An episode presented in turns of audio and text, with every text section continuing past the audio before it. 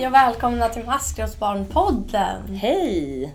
Ny månad. Mm. Vad innebär det? Det innebär ett nytt avsnitt. Ja, Det är ju det bästa som Ja. händer varje månad. och ett steg närmare julen. Ja, jag älskar julen. Jag med. Ja. Eh, jag är lite väl peppad för det. ja. Mm. Men det blir nästa avsnitt. Ja, det blir ni, nästa avsnitt. Ni behöver inte vara rädda, vi ska inte prata om julen Nej. idag. Vi ska prata om något annat för att vi har med oss eh, en gäst idag. Mm. Vår kollega Emmy. Hej! Hej Emmy, vem är du? Ja, Emmy heter jag och Ja. jag jobbar på Maskrosbarn som projektledare Mm. och har jobbat här i snart ett år. Mm. Och innan dess har jag jobbat på socialtjänsten. Ooh. Är det ett år du har jobbat? Gud vad snabbt tiden går. Så. Ja. Mm. Eh, Jäklar. Mm. Mm. Men innan så sagt på socialtjänsten med eh, placerade barn och ungdomar har jobbat i tre år. Mm. Och um, det leder oss in lite på temat som vi ska ha idag. Eh, men vi ska ju börja med BTS, Bottentoppen Stolt. Mm. Vi Eh, brukar ju låta gästen få börja Mm. med BTS. Så jag tänker att eh, du får börja den här Mm. månaden. Det är värt att säga att det är Emmys allra första BTS någonsin. Det är Mm. konstigt efter ett år i organisationen. Verkligen, det Men- var på tiden. Ja, Ja. så hör upp. Eh, men min botten måste väl ändå vara att det är så himla mörkt nu. Mm. Mm. Det är tungt på morgnarna och väldigt mörkt när jag ska åka hem. Jag pendlar ju också ganska långt. Mm. Så det är eh, min absoluta botten. Ja. Och jag också leder mig in lite på min toppen faktiskt. En som är att jag flyttade förra veckan. Ja. Ja, flyttade till eh, Linköping till min kärlek i livet. Ja. Så det är ju Mm. väldigt fint. Ja. Så, eh, och flyttar igen nästa helg faktiskt. Flyttar vi Aha. till en ny lägenhet.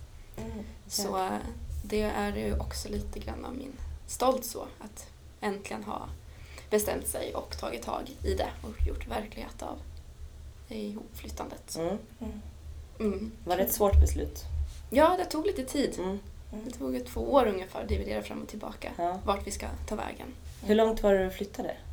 Eh, till Linköping så det vet inte hur långt det är. Mm. Men Några mil? Det är ganska det många mil. är alltid några mil. Ja, några mil. Det är några mil. kommer jag bara avbryta med en massa frågor. Ja, Mm. det får man egentligen inte göra. Nej.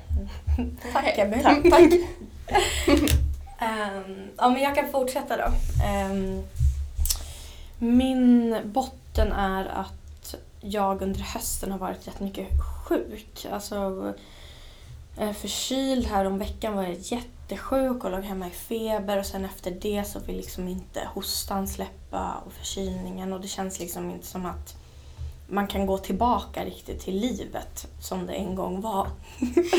När man var frisk. Det känns som att det håller i sig så länge och det är ju segt. Mm. Ehm, toppen eh, i det här höstmörkret så ska ju faktiskt vi tre ha en skräckfilmskväll ikväll. Ja. Och det, alltså jag är så taggad för jag har inte sett en skräckfilm på flera år. Eh, och det ska bli så himla mysigt. För det, är det någon gång man ska göra det så är det ju på hösten nu när det är liksom mörkt och, eh, och så. Men det pirrar liksom i kroppen både av nervositet och spänning och att det ska bli så kul och busigt. eh, ja, det ska bli kul. Ehm, stolt över är jag Eh, jag har en kompis som mår jätte, jättedåligt. Eh, en av mina bästa kompisar. Och eh, jag känner mig väldigt stolt över att jag är en så bra vän till henne. Att jag alltid finns Mm. där eh, och att jag har mycket liksom bra grejer att komma med men också bara att vara där och lyssna och trösta och, eh, och sådär. Jag känner verkligen att jag är en bra vän och det är en väldigt fin känsla att ha. Ja, verkligen. Mm. Det är inte alla som har det. Nej, Nej. tack. Tack. Mm. Eh, min botten, det är lite det du var inne på också. Eh, det är att jag har varit sjuk i snart fyra veckor och det går ju aldrig över. Mm. Och precis när man liksom får upp hoppet, bara nu vänder det, nu Mm. känner jag att jag mår bättre här, då kommer det något annat som gör att man blir hängig igen. Mm. få någon annan åkomma. Eh, så det är min botten. Min toppen, det är att det har varit halloween. Mm. Och jag älskar halloween. Och jag älskar högtider, men speciellt halloween. Och det är för att jag tycker att det är så himla mysigt. Och det här du pratade om, att vi ska se skräckfilm. Mm. Jag ville ju göra det på halloween, men jag känner ju nästan ingen som vågar se en skräckfilm. Mm. Och jag vågar inte göra det helt själv heller. Mm. Så nu är jag också jättepeppad på att göra det. Eh, lite för sent, men det gör inget. Det Mm. kommer bli jättekul. Mm.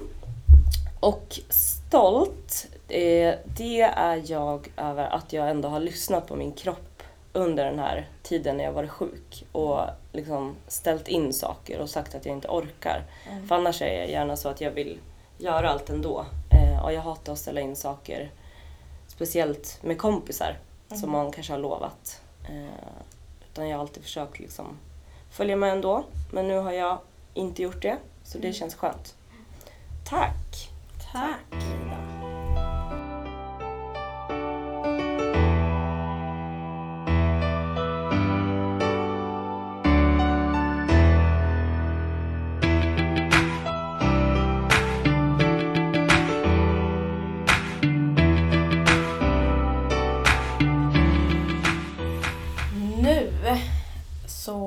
ska vi gå in på dagens tema. Eh, och Emmy berättade ju lite att hon hade jobbat på socialtjänsten tidigare. Ehm, och vi ska prata om att som barn eller ungdom bli placerad. Alltså placerad i en jourfamilj, ett familjehem eller kanske på ett eh, stödboende eller HVB-hem. Eh, så. Men tänk det som vi gör alltid när vi har en gäst eh, här från Maskrosbarn så brukar man få berätta lite om sig själv och varför man är ett maskrosbarn. Eh, så. så att, nej, vill du berätta? Varför är du ett maskrosbarn? Hur var det när du växte upp? Eh, ja, när jag växte upp med eh, min mamma och pappa och mina systrar när jag var liten bodde vi tillsammans. Ehm, och min mamma har alltid varit men väldigt elak av sig. Så. Eh, och favoriserat syskon över andra. Och jag var alltid svarta fåret hemma kan Mm. man säga. Så hon, från att jag var väldigt liten så favoriserade hon min syster väldigt mycket Mm. och brukade jämföra oss mycket och sa vilka saker som min syster var bra på och varför jag var så dålig och förstörde Mm. familjen och sådana saker. Så jag mådde väldigt dåligt från att jag var väldigt liten. Mm. Så. Hon kände att jag inte hörde hemma i familjen och så. Eh, och hon, eh, när hon var riktigt arg på mig så brukade hon slå mig och så. Från att jag var fyra ungefär som jag minns. Mm. Yes. Kommer du ihåg om du förstod att det var fel? Eh, att din mamma ja, men, Mm. behandlade dig illa eller mobbade dig som hon ju gjorde och eh, misshandlade dig? Nej, det förstod jag inte. Mm. att det var fel. Utan eh, mamma pratade istället med mig om att det var synd om henne så, som Mm. förälder. Att jag inte fick berätta Mm. för någon för att då skulle det bli synd om henne. Mm. Så eh, jag ville ju istället skydda, skydda min mamma väldigt mycket Mm. och visade inte för någon. Utan om, när det hade varit en riktigt dålig dag och hon hade slagit mig eller varit riktigt elak och så, så, eh, så var jag på bättre humör oftast istället och försökte visa mig Mm. jätteglad och så när pappa kom hem på kvällarna och så. Mm. Men du var lite inne på att hon sa att du inte fick berätta för någon. Mm. Men var det någon annan vuxen idag tror du som ändå förstod att, att det här pågick? Inte när jag var liten. Nej. Eh, Det tror jag inte. För att eh, dels så gick jag inte på dagis eller så då, när jag var liten. Eh, så jag var bara hemma. Mm. Eh, så hade bara mamma och pappa var borta på dagarna och var väldigt frånvarande så, Mm. när jag var liten. Så jag tror inte att det var någon när jag var liten som, som förstod. Mm. Eh, Dina syskon då? Mm.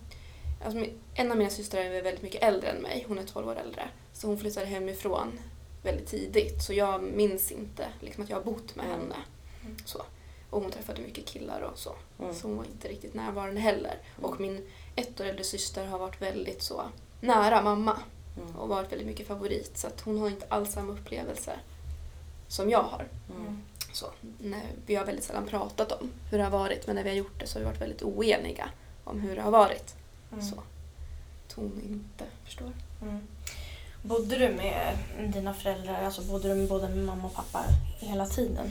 Nej, pappa flyttade eh, strax innan jag skulle fylla tio Mm. eh, till en annan stad. Han hade träffat någon någon ny där. Så då flyttade han och eh, då hörde jag i princip aldrig från honom igen. Han kunde höra av sig kanske någon gång om året efter det. Eh, försökte träffa rätt på födelsedagar men missade oftast Mm. några veckor sedan. Så att, eh, då försvann han kan man säga och var inte, han var inte en pappa för mig längre. Så då bodde jag med mamma och min ett år äldre syster Mm. från strax innan tio upp till, eh, till tonåren sen då. När, Mm. Hur blev det för dig när din pappa flyttade?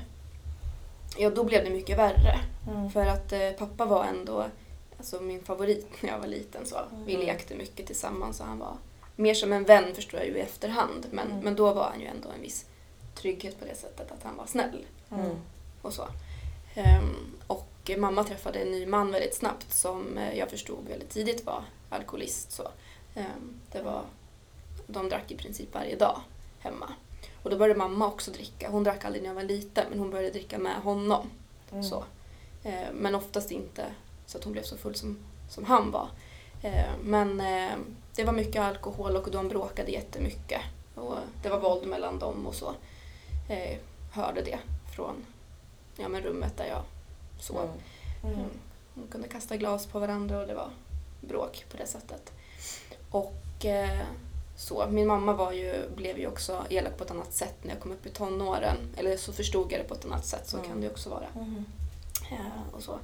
Eh, hon var väldigt tydlig med att hon inte tyckte om mig, liksom, att jag förstörde familjen och var tråkig och så. Och de brukade ha fester och sånt som min syster och andra, hans vuxna barn också var med, med på, men jag var aldrig med på de här festerna då. Så då tyckte mamma att jag var väldigt tråkig Mm. och så började de tycka att jag, att skulle, jag skulle vara med på de här festerna då. Och då tvingade de mig att dricka för att då blev jag rolig och sådär. Och så, då brukade han eh, ja, men, eh, se till att jag drack så mycket så att jag inte kunde liksom, stå upp själv och bära upp mig på övervåningen. Och, Hur gammal var du då? Mm, då var jag, det började när jag var 12. Mm. Mm. Så. Och då, sen har han utsatt mig för sexuella övergrepp då från, från 12 års ålder upp till att jag fick flytta några år senare. Mm. Så. Det, alltså, det är ju en helt så här, fruktansvärd situation. Och så här, fanns det någon du kunde prata med? Fanns det någon när du blev äldre som Mm. fanns där? Liksom? Det tog väldigt lång tid innan jag pratade med någon. För Mm. han var också väldigt tydlig med att om jag berättade eller så här, visade för någon så skulle det bli värre. Då skulle Mm. övergreppen bli värre och ja, att han skulle kunna hamna i fängelse och jag skulle få skulden för det. Så det var mycket skuldkänslor Mm. och eh, oro såklart. För vad som skulle hända om jag berättade för någon. Och jag visste att mamma inte skulle ta, ta mitt parti liksom. Mm. Att hon skulle välja honom över eh, mig då. Så att, eh, jag hade jättesvårt att prata med någon. Och vi hade inte så bra kontakt med släktingar och sådär. Har aldrig Mm. haft när jag var liten. Så det fanns liksom ingen annan vuxen som jag hade en nära relation till. Och vi hade också bytt stad då. Alltså vi flyttade till en ny Mm. stad också när pappa flyttade. Eh, Så att jag förlorade också så här vänskapsrelationer och ja, men, kontakter jag kanske hade med lärare och sådär. Så jag fick börja om Mm. på nytt. Så det tog ganska lång tid innan jag hittade andra att prata med. Men det var först när jag började på gymnasiet som jag började prata med en skolkurator. Mm. Och, eh, som verkligen såg på mig att det var något som inte var riktigt rätt. Mm. Så hon, eh, hon var envis och hon gav, inte, hon gav inte upp i de här samtalen. Mm. Eh, Så. För när jag kom trodde jag att jag mådde dåligt på grund av något helt annat. Så Mm. Hon märkte att jag inte alls pratade om familjen och jag sa att det inte, inte var något konstigt där. Mm. Men hon fortsatte liksom fråga om det. Mm. eh, Och fick mig att förstå att Hon det märkte var... det alltså? Hon märkte det. Så Mm. hon, fick mig att, hon hjälpte mig liksom att förstå varför jag mådde som jag mådde och vad det berodde på. Mm. Så då hjälpte hon mig att eh, ta kontakt med socialtjänsten. Mm. Förstod du då när hon, när hon förstod? Ja, då började jag förstå. Mm. Då började jag förstå. Och det är ändå Att, eh, många år. Ja, det var Efter? ganska många Mm. år. Eh, Då var jag ju 16. Så det hade ju gått ganska många år Mm. innan jag började förstå riktigt hur det var. Jag visste att något var fel men jag kunde inte sätta fingret på... Jag visste att övergreppen var fel men annars kunde jag inte sätta fingret på exakt vad det var. Mm. Mm. Du sa att, eh, eller att de, din kurator hörde av sig till socialtjänsten. Vad hände när då? Då gjorde hon en anmälan samma dag som jag berättade om hur det var hemma Mm. då när jag berättade om alltså, våld och övergrepp och alkoholmissbruk. Eh, så gjorde hon en anmälan till socialtjänsten och då fick vi komma dit på ett möte samma dag. Eh. Du och kuratorn? Jag och kuratorn och mamma Ja. fick komma dit på det här mötet då.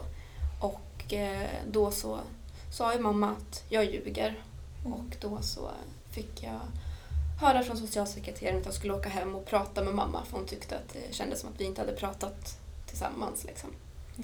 Eh, Så. Ja. Eh, Det låter ju också helt jättedumt men ja. Ja, det var inte så bra. Nej. Nej. Så ni åkte hem, du och mamma, efter det här mötet? Nej, jag åkte inte hem. Nej. Utan jag stannade kvar alltså i stan. Vi bodde ute på landet en ganska bra bit utanför för stan. Eh, Så jag hängde kvar i stan och tänkte försöka sova hos en kompis eller någonting för att det fanns inte på min världskarta att åka hem. Särskilt inte nu när mamma visste att jag hade berättat. Mm. Mm. Så jag hade ingen aning om vad som skulle hända men det eh, tänkte jag inte göra. Så då försökte jag få kontakt med kompisar om det fanns någon jag kunde sova hos. Men eh, ja, det fanns inte det just den kvällen så jag, jag strövade bara omkring på stan i princip tills det kom förbi vuxna som vart oroliga. Mm. Som också kontaktade socialtjänsten igen då. Mm. Så då fick jag åka till en jourfamilj på kvällen där. Mm. Vad är en jourfamilj? En jourfamilj är eh, en familj, en, en vanlig familj som är utredd av av socialtjänsten som tar emot eh, barn och ungdomar akut som behöver komma hemifrån väldigt Mm. snabbt Mm. Mm. för en kort tid. Då. Ja. Mm. Så du fick flytta dit samma dag eller samma Ja, kväll? precis samma kväll. Mm. Hur länge stannade du där? Eh, jag kommer faktiskt inte ihåg, jag tror att jag var där ungefär tre veckor bara. Mm. Eh, för att eh, jag trivdes inte där. Eh, så. Ehm, Vad var det som gjorde att du inte trivdes? Ja, men eh, det var en familj som hade tagit emot väldigt många placerade ungdomar och eh, det var väldigt uppenbart att de inte alltså, brydde sig så. Det Mm. kändes väldigt mycket som att det var för pengar Mm. som de tog emot väldigt mycket ungdomar för de pratade inte med en, de ställde inga frågor. Eh, Vi fick inte ta maten utan det, liksom, det var uppdelat så saker som bara var familjen så, så fick vi något billigare då, variant Mm. som för att överleva i princip men det var inte mer, Mm. mer än så. Ehm, och vi fick väldigt mycket ja, men skäll om de trodde att någon av oss placerade liksom hade tagit av fel schampo eller fel bröd som var för dyrt. Då. Mm. Så det var ja, väldigt tydligt att de inte brydde sig om, om en på det sättet. Alltså hur Mm. blev det för dig, tänker jag, när du kommer från ett, jättekaos liksom, med övergrepp och alkoholmissbruk och eh, psykisk och fysisk misshandel och sen eh, tänker jag att det finns någon typ av förhoppning eller känsla av att det ska bli bättre när man mm, blir Ja. placerad och så möts du av det här. Verkligen. Eh, nej men det var... Jag, jag mådde jättedåligt då. Jag hade jättestora förhoppningar på att det här skulle bli bra. Mm. Jag hade så här föreställt mig att jag skulle få komma till en familj som skulle vara jättemysig och så här komma och typ ge mig en kram vid dörren. Liksom. Mm. Det var det jag ville ha. Mm. Eh, Så jag blev ju jättebesviken Mm. och mådde jättedåligt. Jag var jätteledsen första, alltså hela första natten så och undrade liksom om jag hade gjort ett misstag då. Mm. Att det var så att jag tänkte att det kanske är så här illa Mm. överallt. Jag kanske inte hade det så farligt hemma och det kanske är jag som inte blir nöjd och så började jag fundera. För det var ju så mamma alltid hade sagt att jag var bortskämd och Mm. men egoistisk och bara jag gjorde saker för min skull. Så. Mm. Ehm, så då började jag fundera på det och tänkte Mm. att det kanske är så här familjer ser ut. Liksom. Mm. Precis, du Mm. hade ju ingen annan, annan uppfattning. Liksom. Nej, jag hade ju inget annat att jämföra med. Mm. Så då undrade jag om det var ett stort misstag Mm. att eh, be om hjälp. Då. Mm. Mm. Det Du förstår sa, jag. Du sa att du bodde där i tre veckor. Vad hände Ja. sen efter de tre veckorna? Alltså efter de tre veckorna så var det en dag i skolan som jag mådde jätte, jättedåligt för att jag verkligen inte ville tillbaka till den här jourfamiljen. Mm. För att de var ju inte snälla och kvällen innan när jag kommit tillbaka från skolan så stod det också massor med vodkaflaskor på köksbordet och Mm. det var verkligen eh, som flashbacks till att, hur det var hemma. Så jag Mm. ville verkligen inte tillbaks dit. Men jag vågade inte säga det till socialtjänsten för de hade ju pratat med mig om att de inte trodde på mig när jag hade sagt om hur det var hemma. Mm. Så då trodde jag ju verkligen inte att de skulle tro på mig om jag sa att det också var dåligt i jourfamiljen. Ja. Ja, det skulle kännas som att det var jag som var problemet. Och så. Precis, att du aldrig blev nöjd. Ja, aldrig bli Mm. nöjd. Så jag ville ju inte säga något till socialtjänsten.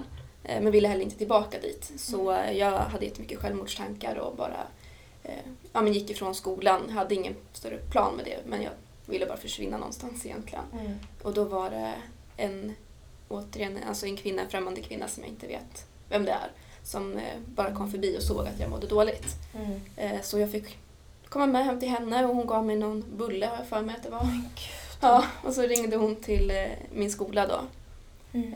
och som kontaktade socialtjänsten åt mig då. Och då Mm. fick jag flytta till ett, ett HVB-hem. Och vad är ett. HVB-hem? Ett HVB-hem står för Hem för vård och boende Mm. och det är då en institution.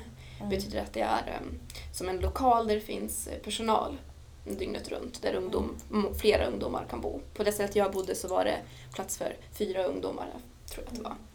Som hade varsina, man har varsitt rum och sen är det gemensamt vardagsrum och kök och så och personal som jobbar dygnet runt. Mm. Eh, Med tanken att man ska då få någon form av behandling under tiden man bor där som Mm. ungdom då. Att det är inte bara att bo utan man ska också få någon vård eller behandling. Mm, precis, för du sa att jourfamilj är en familj man flyttar till akut om man Ja, behöver det. precis. eh, För att det är dåligt hemma. Ja, Eh, Ett HVB-hem flyttar man till eh, om man själv behöver vård ja och hjälp. precis. Eh, precis. Till exempel om man mår väldigt dåligt av Mm. självmordstankar. Eller.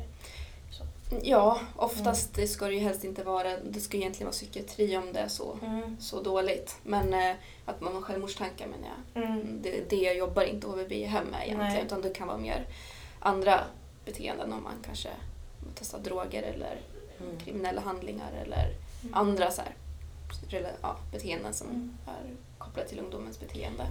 Men eh, ja, precis. Men hade du något sånt beteende eller varför flyttade du till ett HVB-hem? Nej, det, det hade jag inte. Nej. Utan eh, jag tror att jag fick flytta dit för att det var det enda som fanns. Mm. Mm. Faktiskt. Hur blev det för dig att flytta dit? Eh, alltså det, var, det var både och tycker jag. Det var bättre än jourfamiljen ändå. För att ehm, personalen, det fanns ändå bra personal där. Det fanns några som var bra. Mm. Eh, och med bra, det betyder för mig att de såg, såg mig och såg vad jag behövde och de gav mig i princip bara lite värme och kärlek och Mm. kramar och lyssnade.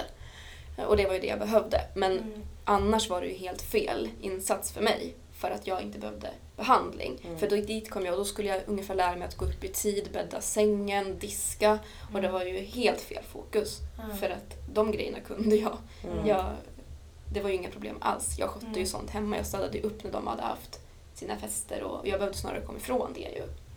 Ja, vad hade du behövt då? Vilken typ av insats hade du behövt? För vi kan ju kanske alla vara överens om att bo hemma inte var ett bra alternativ. Ja, nej, det vill jag ju verkligen Mm. inte heller. Jag hade ju behövt ett familjehem. Mm. Alltså en helt vanlig familj att få bo i.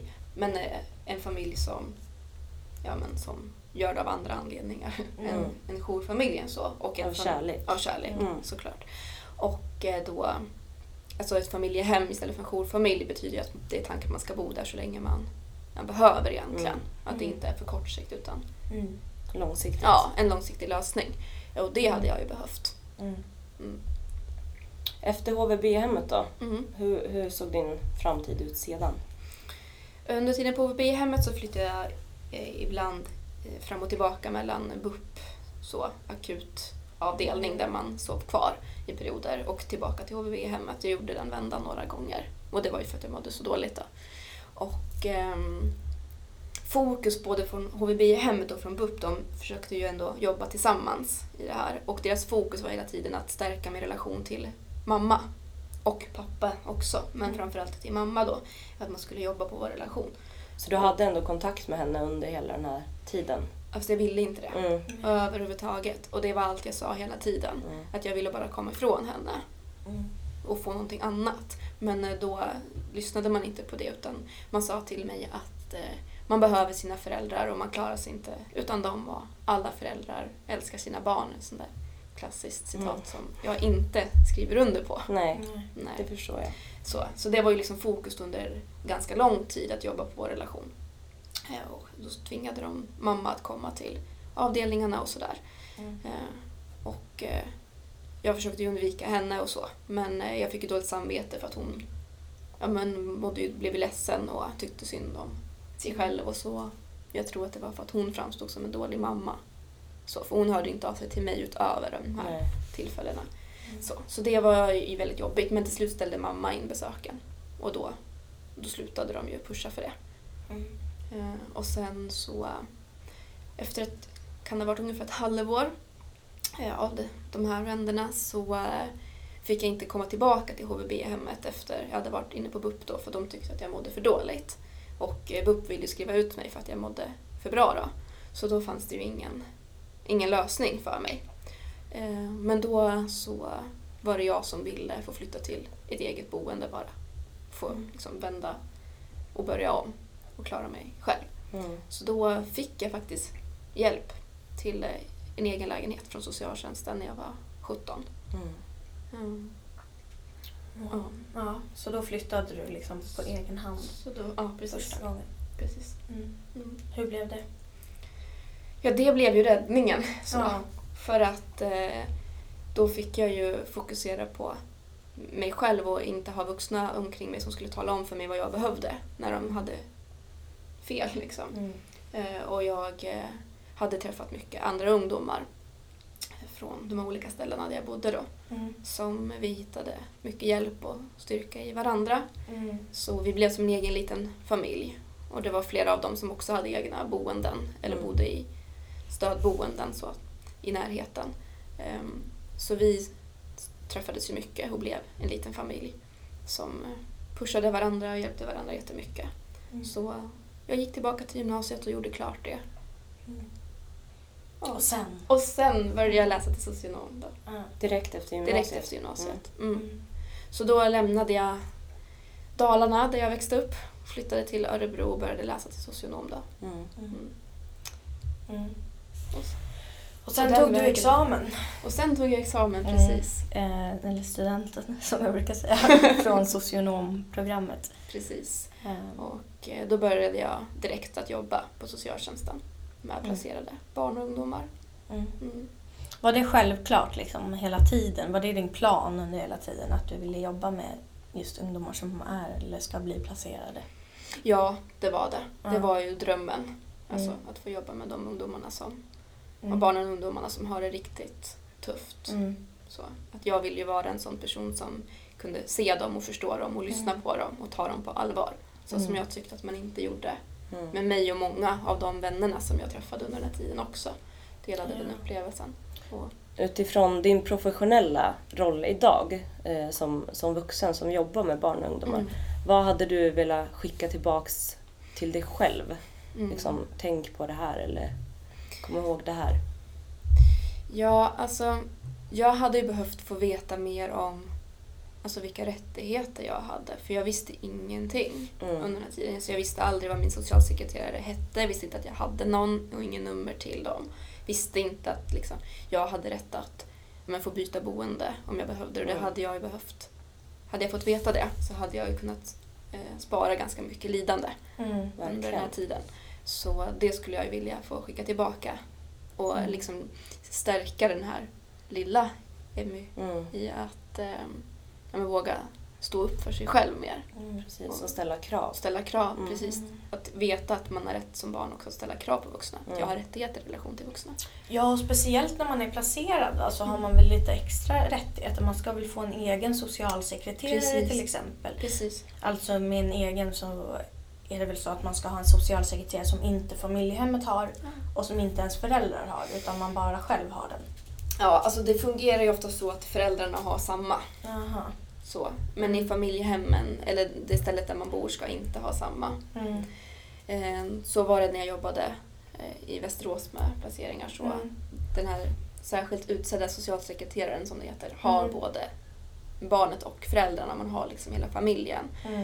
Eh, Men man har ju rätt att ha en egen heter det ju enligt Mm. lagen. Ja. Sen så ser det olika ut i olika kommuner hur man lägger upp det. Men Mm. oftast så är det familjen som har Mm. samma. Mm. Eh, Så. Men man har alltid rätt till enskilda samtal Mm. i alla fall. Alltså prata Pri- ensam prata med sin ensam. socialsekreterare. Utan Ut- att de är med. Ja, Mm. utan förälder eller familjehem eller HVB-hem. Och eh, ja, man har rätt att ta med sig en person som stöd om man vill. Mm. Eh, Det är en annan sak. Så att man vill, om man vill ta med en kompis eller kanske en lärare eller någon annan person Mm. som är viktig och trygg för en så får man ta med den till sitt enskilda samtal. Att det är Mm. enskilt just att det ska vara utan av föräldrar eller familjehem eller de som man kanske behöver få prata om. Så, Mm. så det har man alltid rätt till. Mm. Mm. Och det har man ju inte koll på. Nej. Nej. Men nu har man koll på det. Mm. Nu Nu har precis. Nu vet vi man koll det. på det. Ja, eh, för att jag tänker att det är en stor fråga. Så här, vart ska man vända sig när, Mm. om man har det dåligt i sitt familjehem eller Mm. jourfamilj eller eh, om man bor på ett boende, stödboende eller HVB-hem. Vem ska man vända sig till liksom? Mm. Och det är ju en socialsekreterare i första hand. Mm. För det är ju den personen som kan hjälpa en Mm. Ja. och hitta ett annat boende Mm. och lyssna på vad som är dåligt och Mm. så. Det är den personen som ska göra det. Ehm, och är det på kvällar och helger eller tider när en socialsekreterare inte jobbar så finns alltid något som heter socialjouren Mm. som man kan ringa till om det är riktigt akut. Mm. Mm. Som är öppet dygnet runt. Ja, de är öppet då när socialtjänsten är stängd. Ja. Ja, så på nätter och helger och så. Mm. Mm. Om man till exempel blir slagen i sitt familjehem eller utsatt för ja, allvarliga kränkningar på, olika sätt. Så ska man ringa dit direkt om man inte kan få tag på sin socialsekreterare. Mm. Men den personen ska man ju alltid kunna vända sig till när man Mm. har det dåligt i sin Mm. placering. Och upplever man att den personen inte lyssnar. Så kan man försöka antingen att vända sig till den personens chef Mm. och lyssnar, men tycker man inte att någon lyssnar så kan man vända sig till eh, något som heter IVO. Och det är Inspektionen för vård och omsorg. Eh, Och det är en myndighet som eh, man kallar det för tillsynsmyndighet och det betyder att de alltså kontrollerar socialtjänsten kan man säga. Mm. Så att man, de kollar om socialtjänsten gör någonting fel Mm. Mm. och då kan de granska det. Och då kan de hjälpa en om socialtjänsten gör någonting fel. Så. Mm. Jag tänker så här, du pratar ju lite så om, om saker händer som Mm. inte ska hända i ett familjehem. Mm. Och det får mig att fundera lite på så här, hur funkar det? Finns det en, en pott med familjehem och så försöker de hitta någon som de ska matcha ihop dig med? Ja, precis. Så ser det ju oftast ut. Mm. Eh, Kommuner utreder sina egna familjehem. Sen finns det också privata här, företag som utreder familjehem. Mm. Eh, Men eh, socialtjänsten ska alltid göra en matchning mellan barn och familjehem. Och hur, hur kan en sån matchning gå till? En sån matchning går oftast till så att eh, familjehemssekreteraren, som är en socialsekreterare som har hand om familjehemmet då, istället för barnet eller familjen, Mm. eh, de har utredande samtal med familj som vill bli familjehem. Eh, Där man frågar om varför de vill bli familjehem och man frågar om deras bakgrund och hur de ser på barn och barnuppfostran och olika Mm. sådana delar. Och då tittar man på hur de har svarat och eh, i bästa fall så har eh, barnets socialsekreterare frågat barnet vad den vill ha Mm. av ett familjehem. Och då kan man kolla på barnets önskemål och intressen och försöka hitta en familj som kan matcha det. Mm. Att man gillar att göra samma saker eller ja, Mm. sådana saker i bästa fall. Och då så skriver man en matchning som sen en nämnd godkänner. Mm. Och det är liksom då politiker kan man säga. Mm. Som får ta del av den här skriftliga matchningen och godkänner den eller inte. Eh, Mm. och ofta så frågar man ju inte barnen. Utan det blir lite så här, det är inte lag på det. Utan det blir lite upp till, Mm. det blir upp till varje enskild socialsekreterare om den gör det eller inte. Mm. Men det...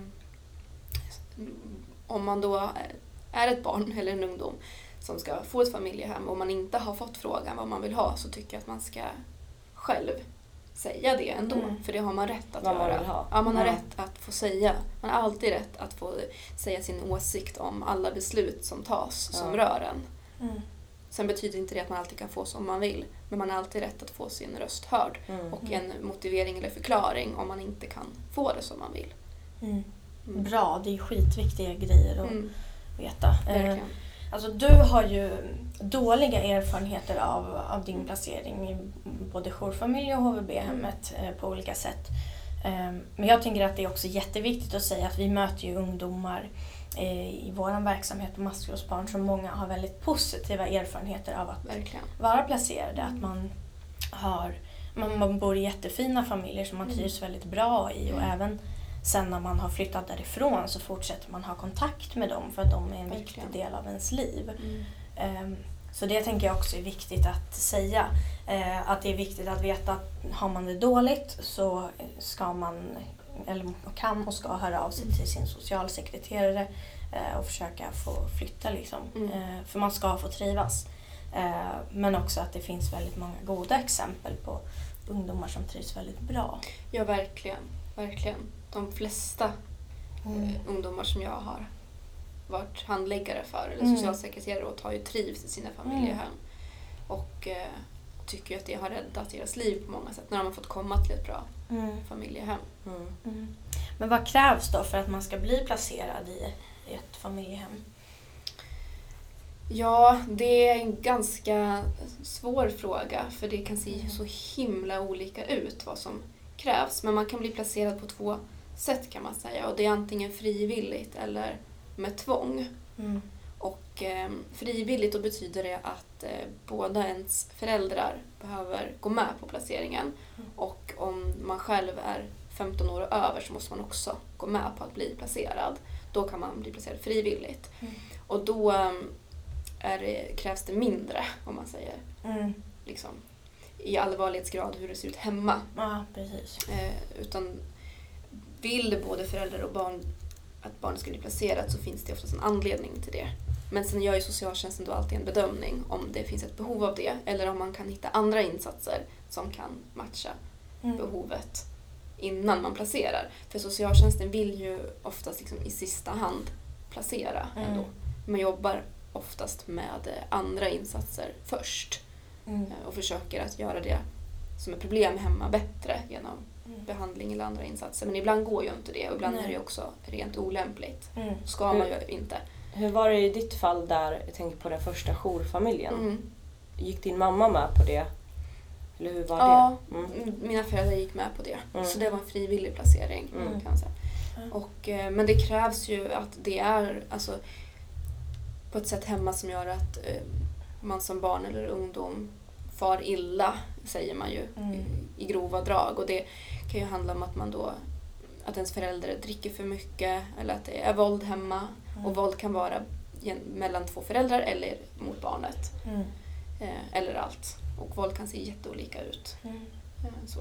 Det kan ju vara slag, det kan vara bli puttad mot en vägg Mm. eller dragen i armen. Det kan vara många olika saker som är våld. Mm. Det viktiga är ju hur barnet eh, liksom mår av sin Mm, situation hemma. precis. Det är ju det som avgör om man, om man behöver bli placerad eller inte. Mm. Om, oftast. Mm. Eh, Så mår man väldigt dåligt över sin hemsituation, ens förälders beteenden, så, så ska man ju kunna få bli placerad Mm. om man vill det. Mm. Eh, Men som sagt, om föräldrar eller man som ungdom själv, över 15 år, inte vill bli placerad och Mm. inte går med på det, då kan man ju bli tvångsplacerad Mm. med en lag som heter LVU. Och eh, då krävs det mer. För då är det en domstol som ska avgöra om barnet behöver bli placerat mot föräldrarnas vilja. Då. Mm. Och eh, det kan man bli också då på två sätt. Antingen är det på grund av föräldrarnas beteenden eller på grund av ungdomens eget beteende. Mm. Eller både och. Det kan Ja. vara både och också. Mm. Och när det gäller föräldrars beteenden så handlar det då om eh, fysiska övergrepp eller psykisk misshandel Mm. Eller allvarliga brister i omsorg. Och det kan ju vara liksom att man inte får tillräckligt med mat, man inte får sina grundläggande behov tillgodosedda på det Mm. viset att man far illa av den anledningen. Eller att föräldrarna bara lämnar barn helt utan uppsyn. Så Mm. att det är farligt helt enkelt. Mm. Eller ja, misshandel, fysisk eller psykisk. Och det kan ju vara verbala kränkningar och Det kan vara psykisk också. Jag Ja. tänker att så här, det kan det. det är så svårt att sätta fingret på eller Ja, bevisa. Precis, det är oftast den Mm. som är svårast. Mm. Den är svårast för ungdomarna att förstå. Mm. Mm. Det är svårast att beskriva. Ehm, Mm. Och den är svårast att bevisa Mm. också. Från socialtjänstens sida om man säger. Mm. att Man behöver ändå ha tillräckligt mycket underlag för att domstolen ska säga att det här är så pass allvarligt att barnet måste placeras mot Mm. förälders vilja då, om det är psykisk misshandel. Mm. Men eh, absolut, det kan vara psykisk misshandel. Och, och psykisk misshandel kan ju vara hot om våld. Att man hotar att man ska Mm. slå barnet. Ehm, eller att man säger nedvärderande saker som att man säger att barnet är dåligt på olika sätt. Att det är värdelöst eller att det förstör, att det är barnets fel att det är som det är i familjen. Liksom, Mm. Man kan säga att det är barnets fel att man som förälder dricker. Sådana saker är ju psykisk misshandel. Och om det är av en sån... Att det är ofta så att det ser ut så ofta i familjen, att man får utstå det ofta som barn. Då kan man bli tvångsplacerad också. Just det. Om man Mm. mår så dåligt av det. Mm. Mm. Men Vi var inne lite på så här, familjehem att eh, man måste bli utredd av socialtjänsten Mm. eh, för att kunna bli det. Ehm, men eh, kan man bli placerad hos någon man känner? Mm. Ehm, jag tänker om man har det dåligt. Man kanske har någon släkting eller någon lärare eller vad, Ja, jag vet inte. Precis. Ja, det är ju till och med så att socialtjänsten egentligen alltid ska se över om det finns någon som barnet känner som Mm. den kan bo hos i första hand. Mm. Eh, och det är ju ofta en släkting, Mm. som en moster eller farbror eller mormor eller så, Mm. eh, som man tittar på. Det kan också vara en vän till familjen, Mm. någon vuxen som barnet känner. Mm. Och det ska man titta på först och då kallas det för nätverksplacering. Så. Mm. Och då krävs det lite mindre Mm. för att eh, den familjen ska bli godkänd just för att man tänker att det är bättre Mm. oftast för barnet att få komma till någon man redan känner än att komma till en helt främmande familj. Mm. Bru- Brukar det hända att barnen eller ungdomarna själva har kanske en önskan om vart de Ja. ska bli? Det händer. Placerad. Framförallt äldre Mm. ungdomar har ofta en önskan om en familj de vill bo hos. Och då ska man titta på den. Då ska socialtjänsten utreda den familjen Mm. om den är lämplig. Sen kan man komma fram till att den inte är det. Mm. Men man ska titta på det. Kan det även vara till exempel ett äldre syskon? Ja, det kan det vara. Mm. Det är ganska vanligt Ja. att äldre syskon är familjehem till sina yngre syskon faktiskt. Mm. Mm. Mm. Så är det. Ehm, jag tänker att, ehm, att bli placerad oavsett om det är en familj eller på ett stödboende, liksom någonstans utanför hemmet. Man kanske har vuxit upp i sin familj. Liksom. Jag tänker att vi vet ju, vi har ju kontakt med så många ungdomar så vi förstår ju hur, hur svårt det är. Liksom den här omställningen från att man har kanske bott i ett kaos Mm. eh, och sen flyttas till en familj kanske där det är bra Mm. så att det blir lugnt Mm. eller att eh, det blir, eh, känns dåligt eller ännu sämre. Mm. Eh, och vår erfarenhet är ju att det känns sämre när man flyttar eh, oavsett om Precis. placeringen är bra eller inte för att det är så mycket som händer inom en. Mm. Alltså man eh, är orolig för vad händer med mina föräldrar nu? Det kanske finns syskon som bor kvar hemma. Mm. Eh, vad händer med dem? Eh, hur mycket kontakt kan jag ha med min förälder? Och också så här, att man är osäker på vad händer i familjen? Mm. Vad finns det för regler? Precis, det är rent Ja, praktiskt. hur ska jag liksom. bete mig? Får jag ta saker ur kylen? Verkligen. Vem köper schampo? Eh, Mm. och så, att det är liksom en livsomställning att bli Verkligen. placerad. Verkligen. Ehm, och vi tycker ju att det är jätteviktigt att blir man placerad att eh, ehm, men uttrycka och, och säga till att man behöver mer stöd än bara att bli placerad. Alltså att man behöver prata med någon också. Mm. Att man behöver ett känslomässigt stöd i den processen. Mm. Ehm, Så ett hett tips är ju om man blir placerad att eh, säga till socialtjänsten att man behöver kanske en kontaktperson eller eh, få prata med en kurator eller Mm. få någon utanför familjen och familjehemmet som man kan prata med om Mm. hur det känns att vara placerad. Mm. Mm. Och jag tänker också att även här hos oss, att vi har Mm. jättemycket erfarenheter Mm, Eh, verkligen. hos oss som man också kan, kan prata med Mm. Mm. om det. Ja, verkligen. Eh, jag tänker att vi har haft ett väldigt em, em, nej, men ett, ett tungt avsnitt i, idag, eh, men också väldigt intressant och fått lära oss eh, mycket. Men jag tänker att det är extra viktigt om man sitter och undrar någonting nu om eh, om man har frågor kring om man själv mm, vill bli placerad eller borde bli det eller Mm. att man är placerad och sitter och undrar någonting så sitter ju vi här på Maskrosbarn och har jättemycket kunskap om, Mm. eh, om just placeringar. Så det är bara att skicka iväg ett mejl Mm. eh, till någon utav oss. Ja, för det är också någonting som jag möter väldigt mycket när jag är ute och föreläser för skolor. Mm. Att många är rädda vad som kommer hända om man kanske hör av sig Mm. till SOS. Mm. Eh, och många föräldrar kanske har hotat med att om du berättar så, Mm. så kommer SOS att ta dig. Mm. Mm. Eh, och att så här, man alltid måste komma ihåg att SOS finns ju till för att, att hjälpa och hitta en fungerande lösning. Mm. Och i vissa fall kanske det är en placering. Mm. Eh, även om det känns som ett jätte, jättestort steg. Mm.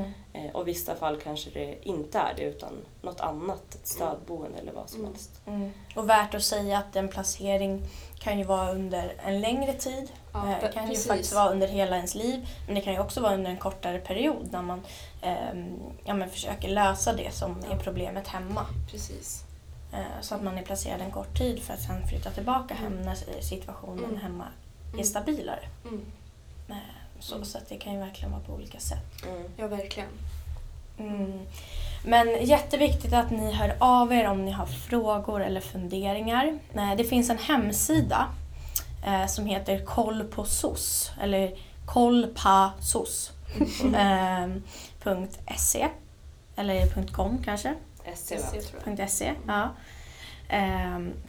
Där man kan gå in och se videoklipp och mm, läsa texter och eh, också hitta kontaktuppgifter eh, till sin socialtjänst och också läsa mer om socialtjänsten. Och det finns också en flik där som heter eh, att vara placerad.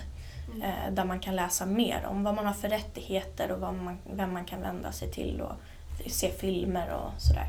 Så det är ett hett tips också. Kollpåsos.se. Mm. Mm. Mm. Och annars hör av er till oss Mm. om ni har några frågor. Jättetusen tack eh, Emmy för att du kom hit och pratade och berättade om dig själv men också om det du gör idag. Mm. Även om jag jobbar jättenära dig så har jag lärt mig sjukt mycket. Mm. Saker som jag inte hade någon aning om. Mm. Jätteviktigt. Bra. Tack! Tack. Tack så mycket. Ha det bra hörni. Hej då!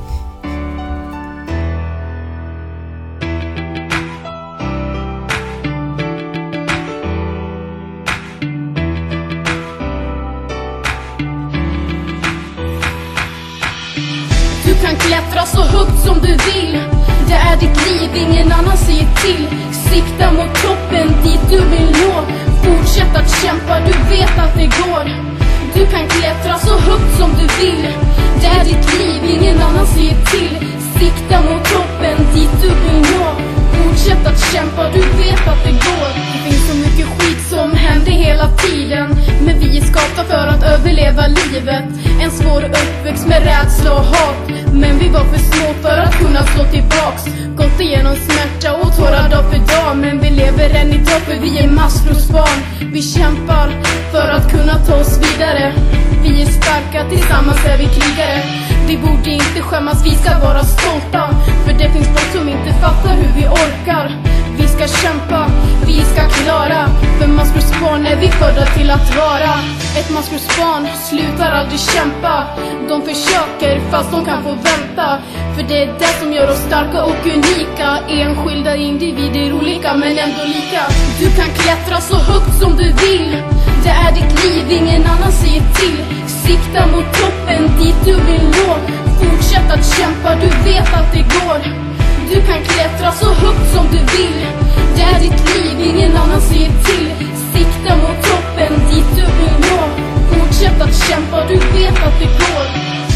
Att det känns tufft, försök att blicka fram.